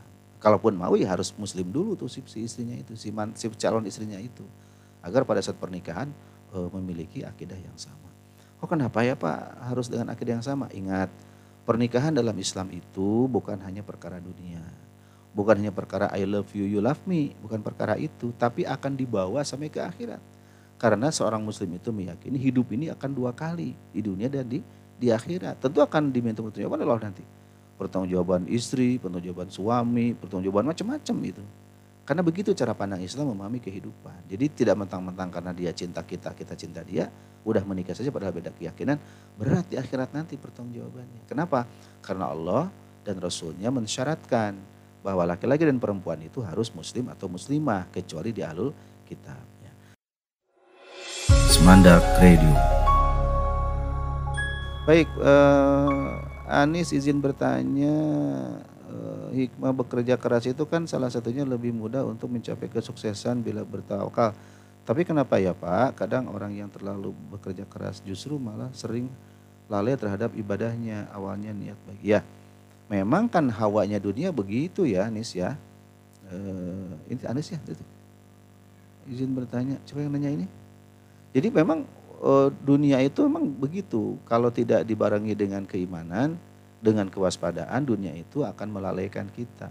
Memang hawanya dunia begitu. Hawanya bekerja yang ada gajinya gitu. Uh, hawanya suami, istri, anak-anak, rumah. Itu kadang-kadang kalau tidak kita uh, berhati-hati bisa menjerumuskan kepada kemaksiatan, bisa menjerumuskan kepada lupa diri. Dalam Quran kan begitu tuh. Bahkan harta dan anak-anak itu, pasangan itu bisa menjadi ujian inna ma'amwalukum wa auladukum fitnah. Kadang-kadang harta dan anak-anak itu jadi ujian. Ya termasuk tadi pekerjaan dan sebagainya itu bisa jadi ujian pada kita. Tentu hanya mereka yang punya punya iman yang tebal barangkali ya, yang tidak akan tergoda dengan uh, gemerlapnya dunia ini. Tetapi selama itu didapatkan dengan cara yang baik dan tetap berimbang dengan kewajiban ibadahnya, insya Allah tidak jadi masalah ya. Selama cara-caranya halal. Semandak Radio. Syahrul, uh, izin bertanya, kalau laki-laki yang berniat poligami, apakah ada ketentuan selain harus mampu dalam harta dan adil? Ya harus tahu ilmunya juga, karena teorinya gampang ya, uh, Syahrul. Prakteknya bapak juga enggak. Kenapa enggak? Karena emang yang yang dibayangkan kan konsekuensinya gitu ya. E, tidak mesti harus orang kaya raya aja sebetulnya, kan itu bukan syarat. Tetapi cukup baginya memberikan nafkah bagi istri-istrinya. Nafkah itu kan ada tiga ya. Ada nafkah lahir, kalau pakai bahasa umum nih ya, ada nafkah lahir. Nafkah lahir itu nafkah makan, minum, pakaian, rumah itu ya. Sandang, pangan, papan, advan kan gitu ya. Atau sangan, sandang, pangan, papan, Samsung gitu ya kalau Anda mah pasti sangat apa sandang, pangan, papan, iPhone kan gitu ya. Itu kan dipenuhi oleh suami itu. Uh, nafkah fisik ya. Ada naf, nafkah lahir, nafkah batin. Nafkah batin tentu terkait dengan uh, penyaluran kebutuhan biologis itu nafkah nafkah batin. Ada juga nafkah yang terkait dengan uh, pendidikan, penjagaan, pengawasan gitu ya Eh, itu kan harus dipenuhi juga. Jangan begini, tah ini uangnya sok beli makan, tuh rumahnya sok tinggali begitu. Tapi setelah itu cul aja gitu, istrinya tidak dididik, tidak diajak ibadah dan sebagainya. Tentu itu bukan pernikahan yang ideal dalam pandangan Islam. Ada kewajiban-kewajiban yang dia lalaikan, gitu ya. Jadi e, menikah lebih dari satu atau poligami itu sebetulnya sama saja dengan menikah satu orang. Memang sih bisa kebayang ya bagaimana beratnya seorang suami yang poligami, karena dia akan me, menanggung jawabi lebih dari satu kepala. Bahkan kalau dari istrinya itu lahir beberapa anak kan juga menjadi menjadi berat tanggung jawabnya. Jadi barangkali e, sebaiknya ya pikirkan konsekuensinya begitu ya daripada dipikirkan atau dibayangkan kesenangannya gitu ya. Coba tadi yang bertanya Rangga ya. Semandak Radio. Yang berikutnya dari Dezan, izin bertanya, di hari akhir Nabi Isa akan turun. Ya, kenapa bukan Nabi Muhammad? Ya, Allah menghendaki begitu. Ya, jadi Nabi Isa yang diturunkan. Kenapa bukan Nabi Muhammad? Ya, mungkin harus tanya kepada Allah ya. ya Allah alam, kita tidak tahu itu sudah menjadi rancangan pasti Allahnya begitu. Ya, kan bisa saja pertanyaan begini, kenapa tuh Nabi Tahir dan Nabi Nabi Muhammad bukan Nabi Isa kan gitu ya? Ternyata kan tidak semua pertanyaan itu harus dijawab karena tidak semua pertanyaan ada jawabannya ya. Begitu, terima kasih Dezan ya. Mohon maaf kalau pertanyaan jawabannya singkat. Kemudian dari Rangga, Rangga izin keluar. Waduh, Rangga ya. Semandak Radio. Uh, siapa lagi nih? Febina, nanya lagi ya, bertanya lagi. Uh, Febina senang nanya ya. Febina nanya apakah dalam Islam reinkarnasi itu ada? Tidak ada. Reinkarnasi itu bukan ajaran Islam ya nyawa yang sudah lepas dari badan itu kembali kepada Allah. Badan baru yang lahir bukan menggunakan nyawa yang lama. Itu. Reinkarnasi itu kan e, teorinya atau konsepnya agama di luar Islam, ya. Tidak dalam Islam tidak ada reinkarnasi. Jadi satu orang satu nyawa ketika lepas nyawanya kembali kepada Allah. Badannya dikubur. Nanti ketika kiamat selesai kiamat akan dibangkitkan lagi, dimasukkan lagi nyawanya ke tubuhnya. Gitu ya. Uh, siapa tadi? Febina ya. Febina. Iya. Hmm. Semandak Radio. Uh, berzina, siapa nih? Yang nanya berzina siapa? Hukumnya seorang berzina dengan seorang wanita yang telah bersuami atau masih berada dalam keadaan idah. Pak, apa hukumnya seorang yang ber, wah, zina aja udah nggak boleh, haram hukumnya ya. Jadi ya berzina dengan yang masih idah ya dosa dua kali itu istrinya ya. Si laki-lakinya pun dosa dua kali. Dosa zinahnya dan dosa melanggar hukum idahnya. Mana ini? Fikri bisa terima kasih. Pak Anies izin bertanya. Oh tadi ya? Oh, ya udah. Dosa dua kali itu ya Anies. Kemudian Andi izin bertanya apakah oh mengenai ta'aruf biasanya berapa lama Pak? Enggak, enggak ada waktu. Mau lama mau sebentar juga boleh. Kondisional ya, Andi ya, taruh. Taruh itu bukan pacaran ya, beda. Waktu kita jalankan antara ta'aruf enggak ada, enggak ada waktu dari mulai ta'aruf, khidbah, nikah tuh enggak ada ketentuannya. Ta'aruf ke khidbah harus minggu, khidbah ke nikah harus sebulan enggak begitu. Sok saja sesuai dengan keadaannya ya, situasional. Karena eh, persiapan dari ta'aruf ke khidbah dan khidbah ke itu kan sangat manusiawi ya. Tidak bisa dipastikan secara syari atau disarankan berapa lama. Hanya memang prinsipnya Andi prinsipnya itu lebih cepat lebih baik gitu. Karena menjaga fitnah ya. Menjaga fitnah. Lebih cepat lebih baik untuk menjaga fitnah baik. Semandak Radio uh, oh, ini Devita Pak. Iya mangga. Kalau orang sudah meninggal nanti ke alam kubur dan di sana dapat siksa atau nikmat kubur. Kalau kuburannya dipindahkan dibongkar itu terjadi disiksanya ya karena dipindahkan. Masya Allah. Aduh, Devita, Devita. Harus dibedakan antara alam kubur dengan kuburan ya, Devita. Apakah setiap di alam kubur itu di kuburan? Belum tentu. Coba kalau orang kecemplung di laut terus meninggal, di mana kuburannya? Atau orang meninggal kebom, di mana kuburannya? Jadi gini Dita, harus dibedakan antara alam kubur dengan kuburan. Hari kuburan, mapan pada umumnya orang yang meninggal normal ya, kemudian dikubur di tanah gitu, dipendem gitu di tanah. Nah itu kuburan atau makam gitu. Nah kalau alam kubur mah alam di mana manusia meninggal dan akan ditunggu sampai datangnya kiamat.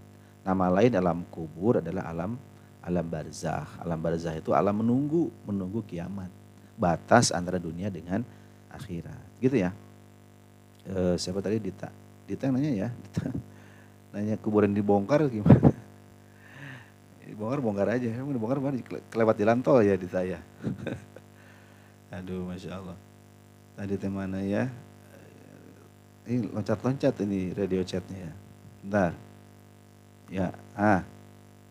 Kalau dibongkar nanti proses di alam kubur. Tetap terjadi walau alam. Ya, itu urusan gaib kita tidak banyak tahu. Dan kalaupun kita tidak tahu tidak berdosa ya. Karena informasi tentang gaib-gaib itu sedikit ya, tentang alam barzah, alam kubur itu sedikit sekali ya. Memang ada kitabnya tapi eh, hadis-hadisnya tidak sampai mencapai derajat keyakinan. Pasti begitu tidak, hanya dugaan saja ya. Walau alam, tugas kita sekarang di dunia mempersiapkan agar alam kubur kita baik. Agar dalam kubur kita mendapat nikmat kubur, bukan siksa kubur. Jadi persoalannya bukan bagaimanakah nikmat dan siksa kubur itu bukan begitu pertanyaan bagi kita adalah bagaimanakah kita sekarang agar nanti di alam kubur mendapat nikmat dan jauh dari adab, nah begitu ya, supaya imbasnya ke kita untuk dia, dilakukan hari ini. Semandak Radio. Baik, Sakila, Assalamualaikum, Waalaikumsalam warahmatullahi wabarakatuh. Bagaimana jika ada orang yang menikah beda agama? Misalnya suaminya ber, nah, udah tadi ya? Oh ditulis ulang ya oleh Sakila, ya udah ya udah ya maksudnya. Oh yang nanya Sakila berarti ya. Bapak ini Bapak Isda. Assalamualaikum Bapak Isda. Bukan, Bapak Eda ini mah ya. Bapak ini Isda gitu ya. Nanti izin bertanya, mangga Bu Isda. Bapak kalau misalnya ada orang yang sudah meninggal tapi belum menikah, terus nanti jodohnya gimana Pak? Wallahu alam ya. E, jodoh itu urusan Allah di dunia, di akhirat urusan Allah ya. Misalnya jodoh si A itu si B, tapi di dunia nggak sempat ketemu gitu karena eh, keburu meninggal. Apakah di akhirat masih dengan si B? Wallahu alam. Itu urusan Allah ya, bukan urusan kita. Urusan kita sekarang adalah bagaimana mencari jodoh yang baik dengan cara-cara yang baik ya. Kalaupun yang meninggal belum dapat jodoh, belum menikah, eh, mudah-mudahan Allah memberikan jodoh yang paling baik di akhirat nanti. Yang lebih dari yang ia bayangkan saat dia belum meninggal. Semandak Radio siapa lagi ini? Fikri, Fikri izin bertanya, kemarin dalam video yang mana nih? Kita diperintahkan untuk menyiapkan kekuatan untuk menghadapi musuh. Ada dalam surah Al-Quran juga, tapi bagaimana jika kita tidak tahu bela diri, lalu ada penjahat menyerang kita di jalan? atau Oh, jadi ayat yang terkait dengan persiapan perang itu ini seruannya kepada negara ya, eh, Fikri. Jadi eh, karena negara itu kan bisa menyiapkan segala macam ya, menyiapkan peralatan, menyiapkan pasukan begitu. Turihibu nabihi adu Allah wa adu wakum kata Allah untuk menggetarkan musuhmu dan musuh Allah. Nah, bagaimana musuh mau gentar kepada kita kalau kita senjatanya aja ketepel ya, musuhnya pakai nuklir kan gitu.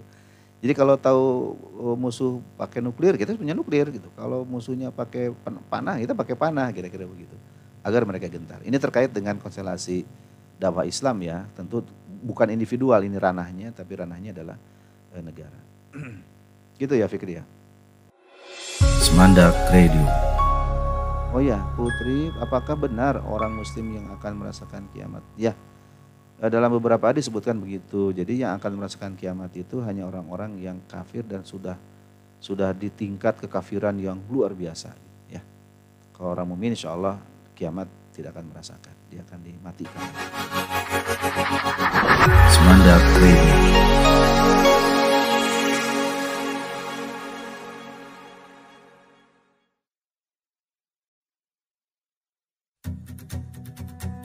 Dari kawasan Cipanas Cibadak Sukabumi, Semandak Radio.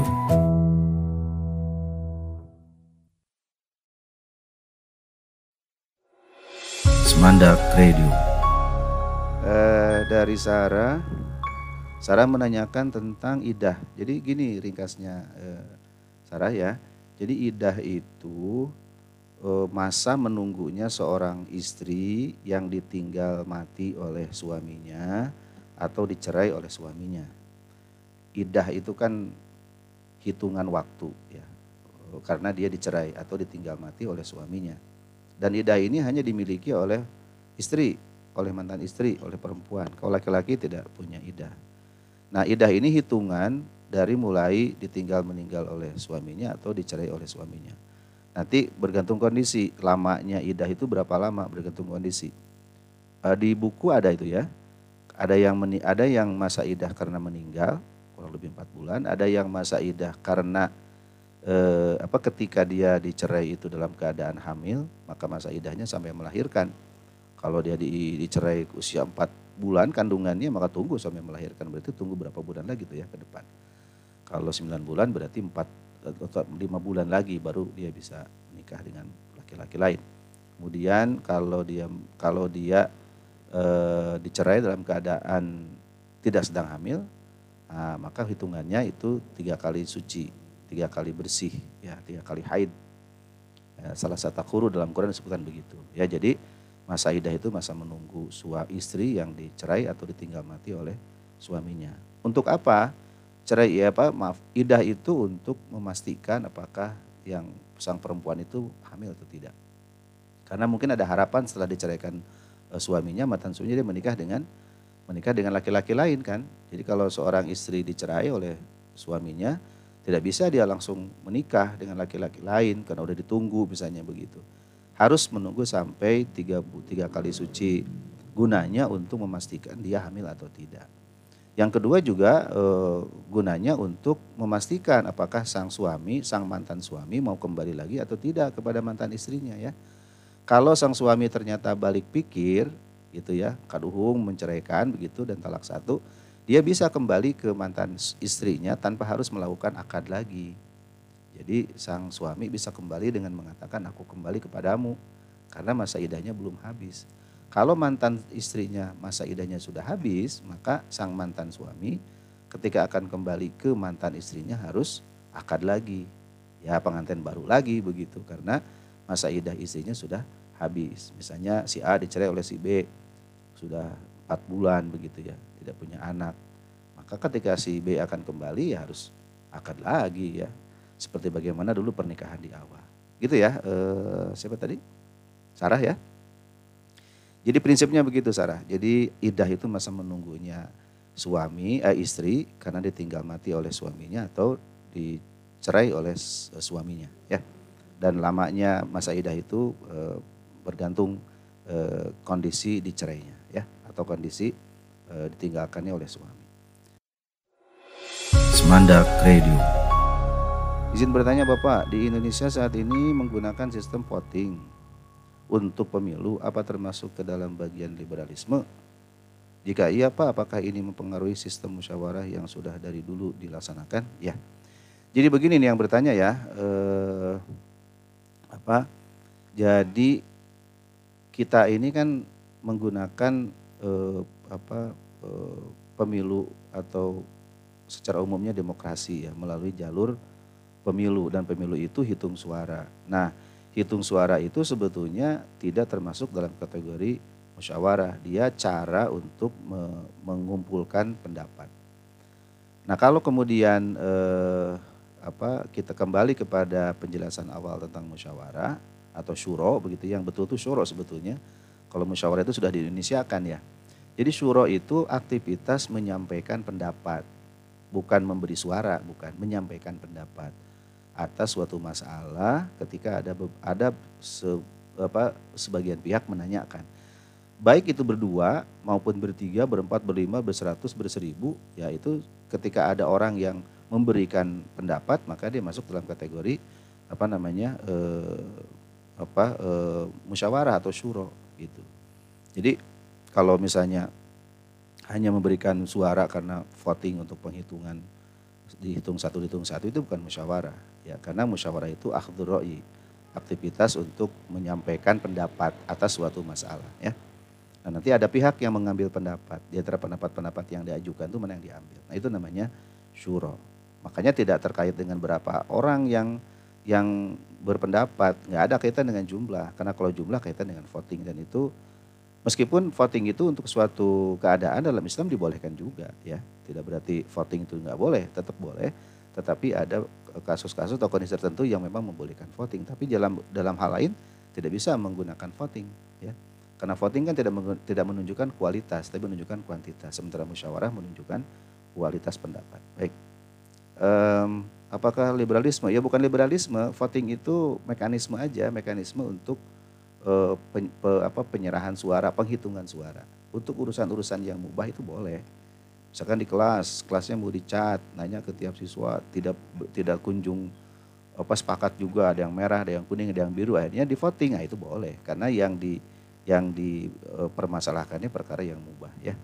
Jadi masuk ke dalam kategori eh, teknis aja. Hanya ini bisa diambil oleh demokrasi, bisa diambil oleh Islam karena dia teknis aja ya. Bergantung masalah yang sedang di votingnya.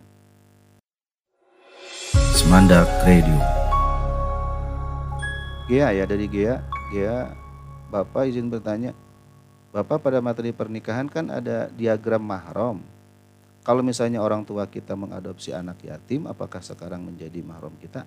Tidak, karena mahram itu harus ada pertalian darah atau ada sebab pernikahan atau sebab persusuan. Jadi kan ada tiga, ada tiga kategori mahram. Ada kategori mahram karena hubungan darah, ya, semisal bapak dengan anak perempuannya atau anak laki-laki dengan ibunya, ya, itu eh, karena pertalian darah gitu uh, cucu dengan neneknya ya atau kakek dengan cucunya yang perempuan nah itu atau kakak dengan adik ya itu ada pertalian darah.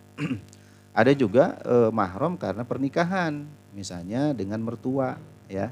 Suami kan punya istri istrinya punya ibu. Nah itu kan ibunya itu kan mahram karena pernikahan karena dia menikah dengan si, si istrinya. Maka ibu si istri itu atau mertua ibu mertua bagi suami itu kan menjadi mahram. Tidak ada hubungan darah memang dengan si ibunya, tapi terikat dengan pertalian dengan istrinya. Gitu ya. Yang ketiga ada juga mahram karena sepersusuan. Misalnya waktu kecil dia menyusu ke seorang ibu gitu. Yang kebetulan dia juga punya anak lagi menyusui. Nah maka eh, Anda yang menyusu ke ibu itu dan ibu itu punya anak juga, kebetulan berbeda kelamin, misalnya Anda laki-laki, si ibu punya anak perempuan menyusu juga. Nah ketika besar tuh nggak boleh menikah. Ya si laki-laki yang menyusu ke ibu yang punya anak juga yang perempuan itu karena dia punya hubungan persaudaraan sepersusuan. Atau si anak yang laki-laki itu menikahi si ibunya yang waktu waktu dia kecil dia menyusu ke si ibu itu. Nah itu nggak boleh.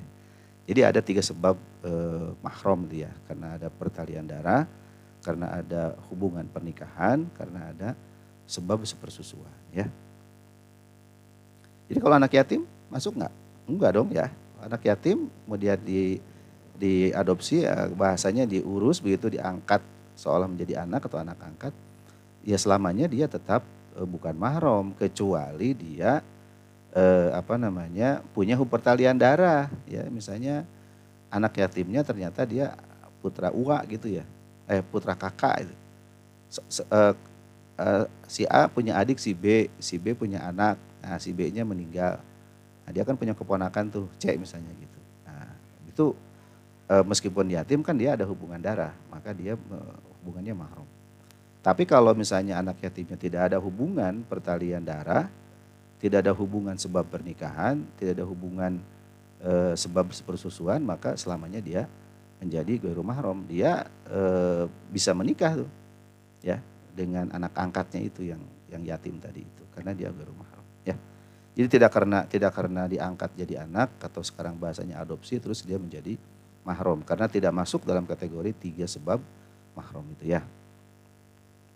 Oh Yunesa, makasih Yunesa ya. Pertanyaan kedua setelah sarah itu Yunesa, Pak, iya mohon enggak. Semandak Radio. Bapak kenapa pernikahan ribet Pak? Banyak perceraian KDRT kayak gitu. Apa itu karena mereka belum mengerti tentang pernikahan? Tapi mereka malah menikah? Bisa jadi begitu. Orang-orang yang eh, ribet gitu dengan pernikahan itu karena mungkin belum ada tiga sebab sih kalau menurut Bapak ya. Pertama memang uh, mungkin dasar pernikahannya bukan keimanan. Dalam Islam itu kan semua aktivitas kita itu harus dasarnya keimanan. Kalau dasarnya iman, insya Allah tidak akan terlalu banyak masalah. Kalaupun ada masalah, segera bisa diselesaikan. Gitu ya. Yang kedua mungkin karena punya, gak punya ilmu atau gak belum cukup ilmunya. Jadi iman ada tapi ilmu kurang, ilmu gak terlalu cukup. Nah ini eh, juga suka timbul masalah gitu ya. Yang ketiga, nah ini masalah-masalah terkait dengan kemanusiaan saja, karena kadang kurang pengertian, atau karena salah satu pihak apa nyeleweng gitu ya, punya pil, punya will gitu, punya pria idaman lain, punya wanita idaman lain, ada juga yang karena faktor ekonomi, ada juga oh ya macam-macam itu termasuk eh, perkara manusiawi ya. Namun memang eh, perceraian itu sebenarnya tidak disukai Allah abghadul halal indallahi atolak. Jadi halal sebetulnya cerai itu tapi Allah nggak suka. Artinya lebih baik dipertahankan, solusi dicari, kecuali mentok sama sekali. Maka dijadikan uh, talak itu sebagai perceraian itu sebagai pintu solusi ya, bukan pintu mencari masalah lagi gitu. Ya. Gitu ya. Jadi KDRT itu mungkin salah satu problem yang uh, bisa saja akan menjadi perceraian ya suaminya galak gitu ya. atau sebaliknya malah istrinya galak susis ya suaminya dipukuli tiap hari begitu ya, karena suaminya susis ya. jadi banyak masalah-masalah tapi sesungguhnya eh, itu kan masalah yang sifatnya manusiawi dan kalau masing-masing berdada lapang bisa untuk cari solusi sebenarnya ya namun karena kondisi lingkungan kita juga begini kerjaan susah, tuntutan istri banyak, suami nggak sanggup memenuhi tuntutan, istri akhirnya bercerai. Jadi banyak faktor lah ya. Makanya harus kuatkan iman, perbanyak ilmu, belajarlah dari yang sudah menikah, bagaimana menyelesaikan masalah-masalah pernikahan. Jangan sampai masalah sepele langsung cerai gitu ya, gara-gara sayur kurang garam cerai. Janganlah ya, garamin aja sendiri kalau kurang, nggak usah cerai. Bapak izin bertanya kalau misalnya kalau misalnya ada suami istri terus si istri selingkuh, sam, sampai nikah lagi ketahuan sama suaminya, terus cerai itu ada masa idahnya enggak? Ya tetap saja yang namanya perceraian sebab apa pun ada masa idahnya. Kalau seorang eh, apa perempuan yang selingkuh begitu kan dia berzina ya, berzina tuh. Kalau kalau kita menggunakan hukum ideal menurut syariat Islam harusnya si perempuan tuh udah nggak hidup lagi. Kenapa? Karena dalam Islam bagi perempuan dan laki-laki yang berzina dan dia dia sudah punya pasangan alias sudah menikah atau sedang menikah harusnya dibunuh dia dengan dirajam gitu jadi udah nggak punya masa idah sebenarnya kalau idealnya apa namanya idealnya syariat Islam kan begitu hanya saja kan memang kita hidup di tengah-tengah masyarakat yang tidak menerapkan syariat Islam memang jadi problem itu kepada si perempuan tadi dosanya tidak terampuni karena dia tidak dihukumi dan malah mungkin dia merasa benar-benar saja berbuat selingkuh begitu. Selingkuh itu kan berzinahan ya. Nah kecuali kalau e, berzinahnya belum punya suami istri, berzinahan oleh gadis, oleh perjaka gitu. Maka dia dihukum cambuk 100 kali cambukan. Kalau dia masih dalam keadaan e, geru muhson. Kalau yang muhson yang udah punya suami istri, berzina begitu, selingkuh dan sebagainya, maka harusnya dia dibunuh untuk mensucikan dosanya. Gitu. Di akhirat nanti insya Allah tidak akan dihukumi. Tapi kalau sekarang banyak yang berzina, nggak dihukumi dengan hukum Allah, hukum Islam, nah, di akhirat nanti akan tujuh kali lipat itu besarnya siksaan bagi mereka yang di dunianya tidak diberikan hukuman sesuai syariat Islam. Gitu ya, nauzubillah, nggak boleh. Nggak boleh ada seperti itu. Anakku semuanya baik-baik ya. Semandak Radio. Bertanya lagi, dia pernah dengar kalau perempuan tidak boleh menikahi laki-laki non muslim, tetapi laki-laki dibolehkan menikahi wanita non muslim. Apakah benar? E, benar kalau si perempuannya e, ahlul kitab ya. Karena kafir itu jenisnya macam-macam ya. Ada kafir musyrik, ada kafir ahlul kitab. Nah, kalau kafir musyrik sama sekali nggak boleh.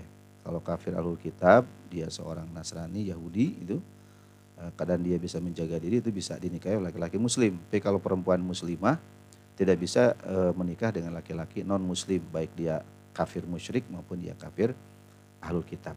Gitu ya. E, kalau laki-laki mah boleh dengan maksud supaya si istrinya menjadi muslim, jadi muslimah masuk Islam karena orang-orang Nasrani dan ahlul e, Yahudi itu sebenarnya punya akar ketuhanan yang sama, yakni tauhid. Hanya saja dalam perjalanan mereka menyimpang. Akhirnya mereka e, masuk dalam kategori ahlul kitab. Jadi mereka memegang kitab Taurat Injil tapi mereka banyak menyimpang. Tapi akar awalnya sama. Makanya diharapkan e, perempuan yang alul kitab, ya baik di Nasrani atau Yahudi itu ketika dinikahi oleh seorang laki-laki Muslim, dia bisa menjadi seorang Muslim karena prosesnya e, tidak terlalu berat sebagaimana menghadapi orang-orang kafir musyrik. Kafir musyrik itu orang-orang yang agamanya di luar Nasrani dan Yahudi, Hindu, Buddha, Konghucu dan seterusnya, Kong, Kongguan, Konghu. Nah itu atau tidak beragama sama sekali ya itu termasuk kafir mulhid. Nah itu berat kan karena dia tidak mengenal Allah sama sekali. Kalau Nasrani dan Yahudi kan mengenal, meskipun dalam perjalanannya mereka eh, apa namanya eh, penyimpang ya, begitu ya. Jadi menikahlah dengan semua Muslim aja yang berakhlak baik ya. Saran nanya lagi, apakah salah satu dari sahabat Nabi ada yang pernah melakukan perceraian? Pak ada. Jika ada, bagaimana prosesnya? Ya ada. Banyak sahabat yang bercerai ya itu manusiawi kadang ada sahabat yang miskin gitu ya tidak bisa menafkahi kemudian istrinya mengadu ke Rasulullah SAW akhirnya Rasulullah SAW eh, apa menyarankan bercerai saja gitu. Ada ada kasusnya ya. Tapi bukan karena KDRTK sekarang ya bukan atau karena selingkuh enggak para sahabat enggak sampai seperti itu. Manusiawi aja ya. Eh, Asila izin bertanya Pak, apabila ada pasangan berbeda agama dan mereka mau menikah tetapi salah satunya memutuskan untuk pindah agama Pak, tetapi orang tuanya tidak mengizinkan dia untuk pindah agama jika tidak merestui pernikahan itu. Iya memang.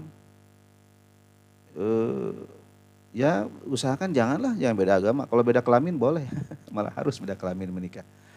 Kalau menikah sama-sama kelaminnya sama ya kayak apa namanya LGBT ya. Carilah yang satu akidah masih banyak.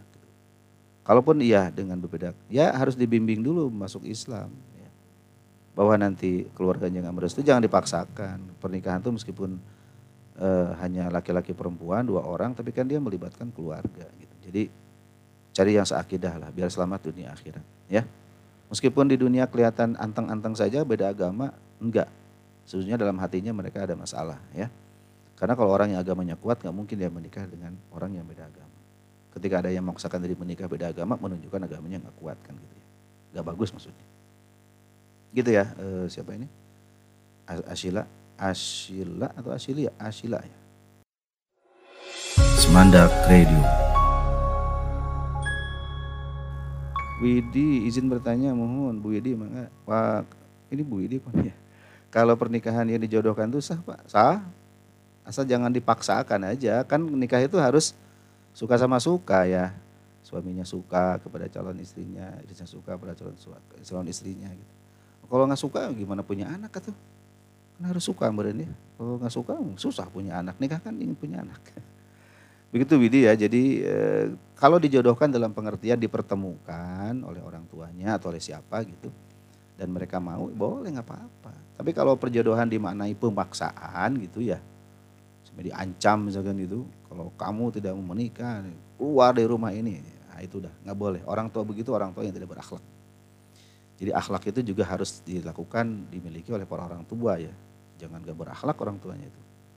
Jangan memaksa anaknya untuk menikah dengan yang tidak dia sukai gitu ya. Tetapi dasar sukanya adalah karena agama atau dasar penjodohannya karena agama, bukan karena harta kayak masa Siti Nurbaya dulu ya. Jadi bukan karena ada uh, iming-iming harta dan sebagainya. Betul-betul karena orang tuanya ingin menjodohkan anaknya dengan pasangan yang lebih baik, yang akhlaknya bagus, ya, yang apa namanya, yang bertanggung jawab. Semanda Radio.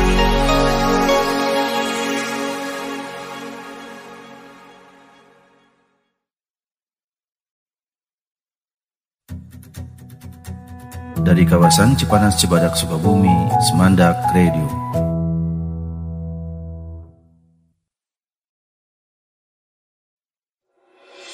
Semandak Radio.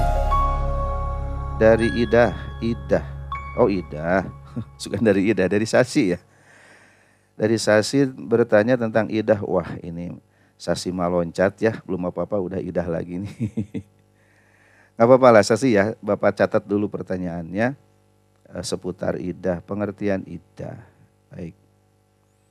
Uh, sambil nunggu, Bapak akan jelaskan dulu pertanyaan pertama dari Sasi, IPA 7. Idah. Begini Sasi dan para siswa sekalian, serta Bapak Ibu Guru barangkali yang yang ikut menyimak uh, pembelajaran PAI di hari ini. Um, Idah itu salah satu pembahasan hukum di dalam pernikahan sebagai eh, akibat atau konsekuensi dari adanya perceraian ya. Jadi begini Sasi, dalam dalam rumah tangga itu kan kalau dari awalnya mah ingin uh, rumah tangga itu berjalan sampai mati gitu ya. Artinya bahkan sampai ke akhirat nanti. Artinya langgeng sampai ke akhirat. Tapi ya yang namanya manusia selalu saja akan ada um, apa eh, halangan, ketidakcocokan, ada problem-problem yang memang baik bisa teknis, bisa juga mendasar gitu ya. Ada kadang ada perceraian yang sifatnya otomatis ya ketika salah satu dari suami istri misalnya murtad itu otomatis bercerai. Eh, ada juga perceraian karena persoalan ekonomi, apalagi di masa Covid ini, di masa pandemi ini banyak yang bercerai katanya ya. Karena mungkin sang suami tidak bekerja, di PHK akhirnya tidak betah di rumah, diusir oleh istrinya kemudian bercerai. Uh, jadi perceraian itu sangat mungkin meskipun Allah SWT tidak menyukai perceraian ya. Jadi kata Nabi Abu Ghadul halali indallahi at-tolak. Jadi pekerjaan halal secara hukum syara itu halal. Yang namanya apa uh, uh, perceraian itu halal, tetapi Allah tidak suka ya.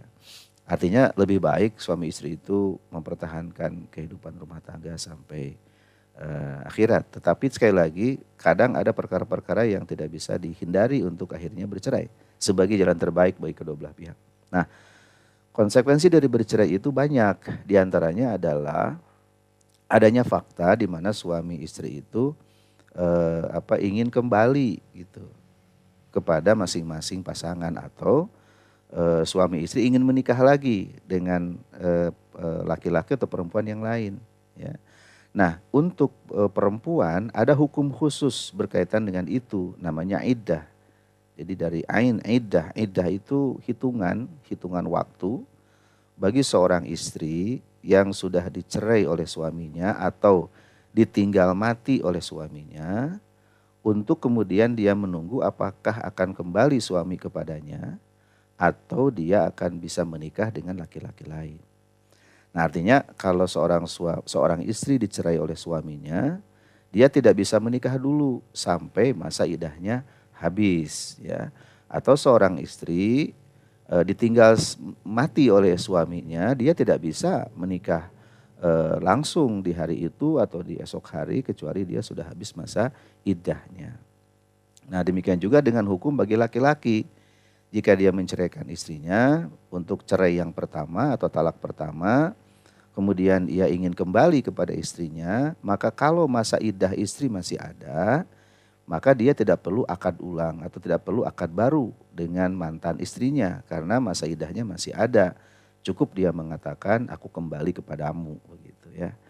Tapi kalau misalnya sang istri yang sudah dicerai itu sudah lewat masa idahnya, maka pada saat sang mantan suami ingin kembali kepada mantan istrinya, maka mau tidak mau dia harus melakukan akad akad lagi, ya pengantin baru lagi gitu. Kenapa? Karena masa idahnya, masa menunggunya sang mantan istri itu sudah sudah habis. Pertanyaannya, berapa lama sang istri e, memiliki masa idah? Nah ini ada beberapa kondisi ya. Masa idah ketika ditinggal mati oleh suami berbeda dengan masa idah ketika dia dicerai dalam keadaan e, suaminya masih ada ya.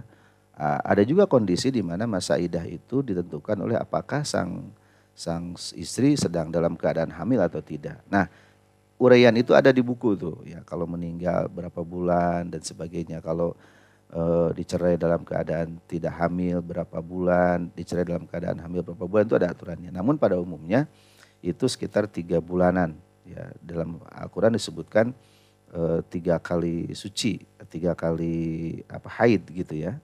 Nah dalam ukuran itu seandainya haid itu satu apa seorang perempuan per bulan satu kali berarti kalau tiga kali suci berarti tiga bulan lah sekitar tiga bulanan ya ada yang tiga bulan sepuluh hari ada yang empat bulan itu bergantung pada kondisi diceraikannya oleh oleh suami. Semandak Radio. Pertanyaan kedua dari Aktami. Aktami terima kasih pertanyaannya. Pak izin bertanya, mangga. Kalau misalnya ada wanita yang hamil di luar nikah dan anaknya perempuan, siapa yang berhak menjadi walinya? Nah ini Aktami, duh pertanyaannya. Jadi ini ya, kehamil di luar kandungan ini, eh hamil di luar pernikahan ya. Memang ini termasuk perkara fikih ya, perkara hukum fikih. Jadi namun kalau merujuk kepada pendapat madhab Imam Syafi'i yang diterapkan di Indonesia terutama, jadi kalau ada seorang perempuan yang hamil di luar nikah alias dia berzina itu dengan laki-laki yang bukan suaminya, nuzubillah. Uh, kemudian dia hamil, dia punya anak perempuan dari situ, lalu siapa yang menjadi wali bagi anak perempuan itu? Nah, menurut madhab Imam Syafi'i yang berhak menjadi wali bagi perempuan tadi adalah wali hakim. Ya, coba baca lagi bukunya. Wali itu kan ada dua ya, ada wali mujbir, ada wali hakim. Wali mujbir itu wali yang e, nasab ya, wali yang memiliki hubungan pertalian darah seperti ayah, kakek, uak, kakak laki-laki, adik laki-laki itu ya. Itu wali nasab. Ada juga wali hakim. Wali hakim itu adalah wali bagi perempuan yang sudah tidak punya wali nasab gitu atau wali nasabnya tidak ada hilang gitu susah dikontak ya lost kontak uh, atau tadi seorang perempuan yang punya anak dari hasil perzinahan ya. Nah makanya uh, siapa tadi? Atami ya yang bertanya itu. Jangan sekali-kali me, merencanakan begitu ya nauzubillah min dalik Pokoknya Atami dan anak-anak Bapak eh, yang lain eh, rencanakan punya anak itu dari hasil pernikahan yang sah gitu ya. Supaya nggak repot tuh kasihan nanti anaknya. Kalau anaknya perempuan hasil dari hubungan eh, apa perzinahan dengan pacarnya barangkali atau laki-laki lain jadi repot nanti. Saat menikah dia harus oleh wali hakim ya. Siapa wali hakim? Wali hakim itu adalah pejabat negara yang ditunjuk oleh kepala negara sebagai uh, petugas ya untuk uh, menikahkan. Kalau di Indonesia mungkin setingkat kepala KUA di level kecamatan ya yang bisa menjadi wali hakim. Harusnya kan kepala negara tuh. Dalam Islam itu khalifah itu harusnya ya kepala negara atau yang ditunjuk oleh kepala negara mewakilinya dalam urusan pernikahan bagi perempuan yang sudah tidak punya wali nasab. Begitu ya, Aktami ya. Kita berlindung kepada Allah lah dari pernikahan yang begitu ya. Semandak Radio. E, pertanyaan ketiga dari Fatna. Terima kasih Fatna. Pertanyaannya izin bertanya Bapak. Mangga, jika ada sekelompok orang yang berkumpul untuk mencapai tujuan yang buruk misalnya pembunuhan atau kejahatan lain, Apakah itu termasuk musyawarah? Dan apa yang harus kita lakukan jika kita termasuk kelompok orang tersebut? Nah, Bapak ke pertanyaan kedua dulu ya Fatna. Janganlah masa ikut-ikutan merencanakan pembunuhan kejahatan. Jangan ya Fatna ya. Ya baik. Jadi musyawarah itu eh, ada dua aktivitas. Pertama, aktivitas untuk mengemukakan pendapat. Ya, jadi setiap aktivitas mengemukakan pendapat pada orang yang bertanya, baik itu hanya berdua atau bertiga, berempat, berlima atau berbanyakan gitu ya. Maka aktivitas penyampaian pendapat itu disebutnya syuro. Ya, syuro, syuro itu e, aktivitas penyampaian pendapat. E, nanti ada pihak yang mengambil pendapat. Ya, jadi ada yang mengemukakan pendapat, ada yang mengambil pendapat. Nah proses itu dalam e, syariat disebutnya syuro. Sedangkan musyawarah itu kan sebetulnya sudah mengandung e, makna saling memberi pendapat. Jadi yang satu misalkan ada tiga orang A, B, C, A ngasih pendapat, B ngasih pendapat, C ngasih pendapat karena mereka saling memberi pendapat disebutnya musyawarah. Ya.